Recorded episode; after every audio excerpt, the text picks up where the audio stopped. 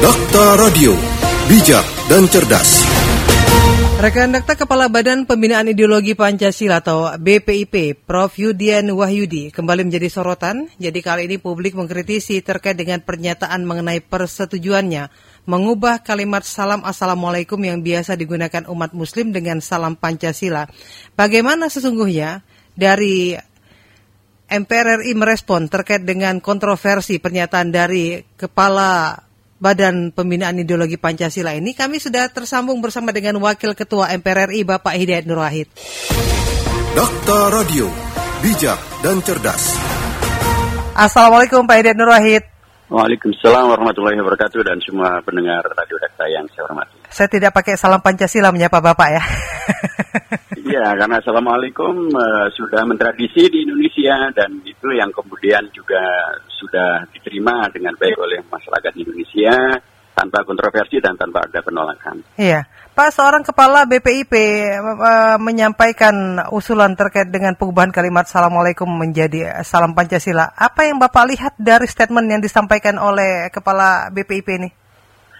Ya pertama juga harus perlu kita sampaikan ya bahwa BPIP sudah membuat klarifikasi bahwa tidak benar BPIP ingin merubah uh, Assalamualaikum dengan salam Pancasila maupun juga salam agama-agama yang lain. Saya kira itu juga perlu disampaikan supaya agak balance juga gitu ya. Hmm. Bahwa pernyataan itu disampaikan oleh seorang Prof. Judian gitu.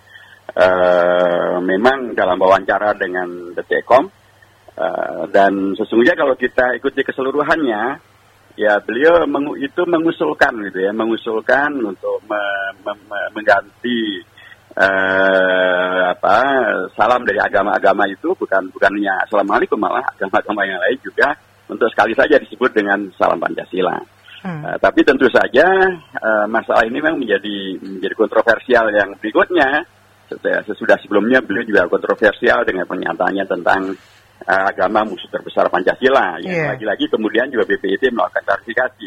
Jadi ini kan menjadi menjadi aneh gitu. Uh, BPIP itu uh, tidak dibuat untuk menghadirkan kontroversi dan setelah itu klarifikasi, kontroversi klarifikasi, kontroversi klarifikasi. Orang akan kemudian menjadi uh, sangat tidak nyaman uh, dengan uh, dengan BPIP dan tugas awal yang harusnya dilakukan BPIP yaitu terkait dengan masalah pengamalan Pancasila, terkait dengan masalah pemantapan ideologi Pancasila, dan sejenisnya. Kalau kemudian yang muncul adalah kontroversi dan kontroversi, tentu bukanlah untuk itu BPIP dibuat dan bukan itu juga Pancasila disepakati oleh para founding fathers dan founding mothers. Harus diingatkan kembali bahwa uh, Pancasila menjadi seperti Pancasila seperti hari ini, kalau kita lihat dan kita baca sejarahnya dengan baik dan benar, itu adalah karena pengorbanan dan sekaligus hadiah daripada tokoh-tokoh umat Islam untuk Indonesia agar Indonesia tetap terjaga uh, kedaulatan uh, dan proklamasi kemerdekaannya uh, karena ketika itu ada yang mengancam untuk keluar dari Indonesia hanya yeah. karena membuat karena yang kelompok minoritas ini merasa tidak tidak terwakili sekalipun juga sebenarnya sudah terwakili dalam panitia 9 dan kemudian empat tokoh umat Islam dari Ormas dan dari Orpon, dari Ormas ada NU, ada Muhammadiyah, ada Kiai Haji Hashim, ada Kiai Haji Kakak Muzakir, Mas, ada Ki Bagus Hadi Kusumo dari Partai Islam ada Mr. Kasman Singo di Mejo dan kemudian dari tokoh dari Indonesia Barat Mr. Toko Mohon Hasan. Mereka kemudian menerima untuk kemudian menjadikan sila pertama adalah ketuhanan Yang Maha Esa dan dengan cara itu Pancasila terselamatkan, Indonesia terselamatkan dan itu adalah hadiah dan sekaligus pengorbanan terbesar umat Islam Indonesia untuk kesatuan Indonesia. Jadi umat Islam Indonesia mengenal Assalamualaikum dan ungkapan Assalamualaikum itu sudah menjadi salam nasional yang bukan seperti dinyatakan oleh Prof. Judian dalam wawancaranya itu bahwa seolah-olah Assalamualaikum itu baru dipergunakan pada zaman reformasi gitu ya. Hmm. Padahal sesungguhnya sejak zaman uh, Orde Baru pun Assalamualaikum sudah sudah selalu dilakukan dari zaman Pak Orde Lama juga demikian. Jadi Assalamualaikum bukanlah produk reformasi, Assalamualaikum adalah uh, uh, tradisi dan uh, ucapan salam yang sudah uh, sangat mensejarah dalam konteks Indonesia.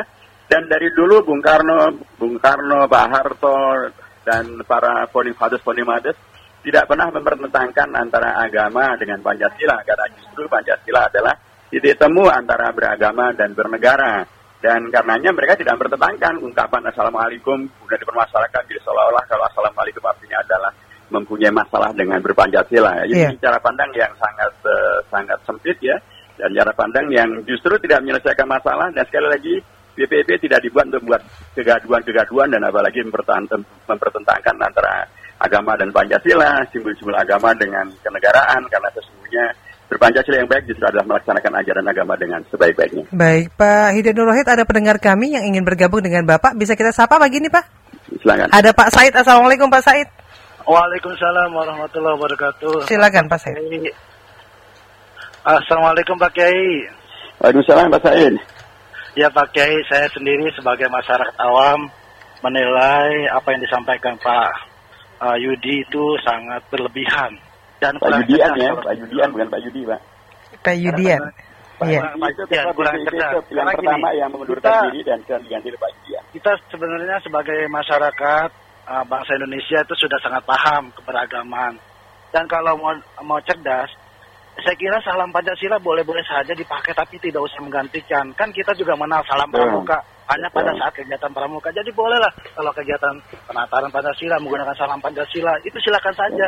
Orang udah ada contohnya kok salam pramuka itu pada saat-saat di kegiatan pramuka. Saya kira itu uh, terima kasih Pak Kiai. Assalamualaikum warahmatullahi wabarakatuh. Waalaikumsalam warahmatullahi wabarakatuh. Masyarakat sudah paham Pak akhirnya bagaimana? Iya benar. Kita, kita kita tidak mempermasalahkan salam Pancasilanya sesungguhnya. Yang dipermasalahkan adalah kenapa salam Pancasila itu diusulkan untuk menggantikan Assalamualaikum dan lain sebagainya. Karena memang tidak tidak diperlukan. Bahkan sesungguhnya ketika dulu Bu Megawati mengenalkan salam Pancasila dan bukan Pak Yudi sebagaimana disebut oleh Pak Yudian, uh, Bu, Bu Megawati ketika mengenalkan salam Pancasila juga beliau tidak pernah mempertentangkan salam Pancasila dengan Assalamualaikum gitu loh. Terus kenapa tiba-tiba belakangan beliau malah memantik kontroversi dengan mengusulkan agar Assalamualaikum dan lainnya diganti dengan salam Pancasila. Jadi saya sepakat dengan Pak saya tadi bahwa anda mengucapkan salam Pancasila silakan saja, tapi jangan kemudian di kontrol di, di apa dihadap-hadapkan didikotomikan dengan ungkapan salam assalamualaikum dan apalagi untuk menggantikan assalamualaikum dengan salam Pancasila itu jelas uh, historik, irasional dan tidak diperlukan. Jadi karenanya sebaiknya memang uh, Pak Yudi komitmen dengan apa yang telah dijanjikan Pak Yudian maksud saya komitmen yeah. dengan apa yang dijanjikan di Komisi 2 waktu itu kan dulu dipanggil Komisi 2 di RI hmm. dan kemudian dikritik keras tentang kontroversi yang beliau munculkan. Dan waktu itu dia menyampaikan bahwa dia berjanji untuk tidak lagi membuat kontroversi. Ya laksanakanlah janji itu. Sebab uh, dan ya, karena jangan lagi bikin kontroversi.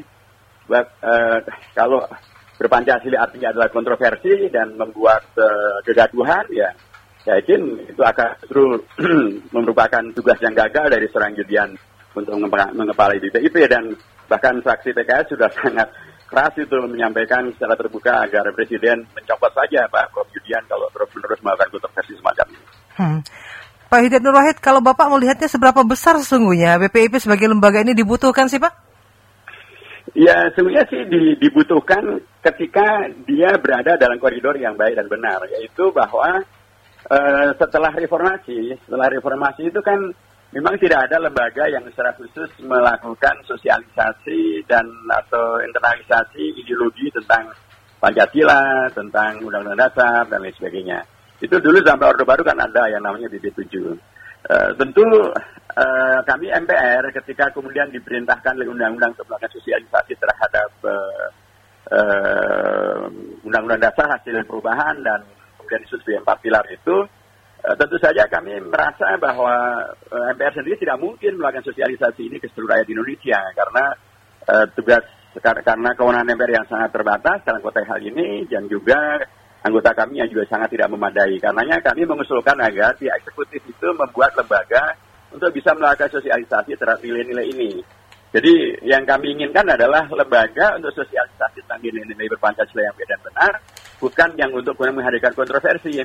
Kalau kemudian uh, warga tidak lagi mengenal tentang ideologi nasionalnya dan uh, dan uh, dasar negaranya, dan kemudian teriakannya aku Pancasila, tapi perilakunya jauh daripada Pancasila misalnya, teriakannya aku Pancasila, tapi justru yang didukung mati-matian LGBT. Hmm. Itu sila, sila yang mana daripada Pancasila? Itu kan karena dia tidak ngerti Pancasila. Aku Pancasila, tapi perilakunya justru mendukung komunisme dan meminta agar TAP MPRS nomor 25 tahun tahun 66 tentang pelarangan PKI agar dicabut dengan alasan demokrasi dan uh, dan hak asasi manusia. Itu kan nggak nggak tidak paham tentang Pancasila. Sekalipun teriakannya adalah Pancasila. Ada yang teriakannya Pancasila tapi yang dilakukan adalah melakukan pembelahan dan mengadu domba antara anak bangsa stigma umat Islam teroris dan seterusnya. Dan itu di mana Pancasilanya bukannya sila ketiga ada persatuan Indonesia. Aku Pancasila katanya. Tapi kemudian dibiarkan terjadinya penguasaan uh, sumber daya ekonomi di sangat segelintir masyarakat Indonesia. Padahal sila kelima jelas mengatakan keadilan sosial bagi seluruh rakyat Indonesia. Di mana Pancasilanya? Jadi Pancasila memang harus disosialisasikan dengan baik dan benar dan itu perlu lembaga yang melakukan sosialisasi dengan baik dan benar dan itu akan bisa dipercaya rakyat kalau mereka bisa menjadi teladan. Yang menjadi masalah justru Pak Judian ini menghadirkan kontroversi yang justru membuat orang menjadi semakin tidak simpati dengan BPIP dengan dan dengan segala uh, dan dengan segala turunannya. Dulu ketika dipimpin oleh Pak Yudi, yeah. Pak Yudi bukan bukan Judian ya Pak Yudi hmm, Latif, Yudi Latif ya. masyarakat nyaman kok dengan BPIP karena memang beliau menghadirkan pencerahan, menghadirkan kenegarawanan yang bagus gitu ya sehingga orang memahami bahwa lembaga ini memang diperlukan. Dan sesungguhnya itulah yang kami pikirkan ketika dulu mengusulkan adanya lembaga seperti BPIP ini. Cuman sayangnya di dalam perjalanan pada zaman Pak Judian ini baru belum lebih dari dua minggu sudah kontroversinya senilai lima tahun ini. Iya, Pak Hidayat Wahid dengan semua kontroversi yang dilakukan oleh Pak Yudian ini, seberapa besar akhirnya kehadiran BPIP ini dapat itu tadi yang mereka uh, katakan bahwa membumikan Pancasila? Ya, kalau menurut saya setuju dengan usulan banyak pihak ya, termasuk usulan Pak dan dari PKS.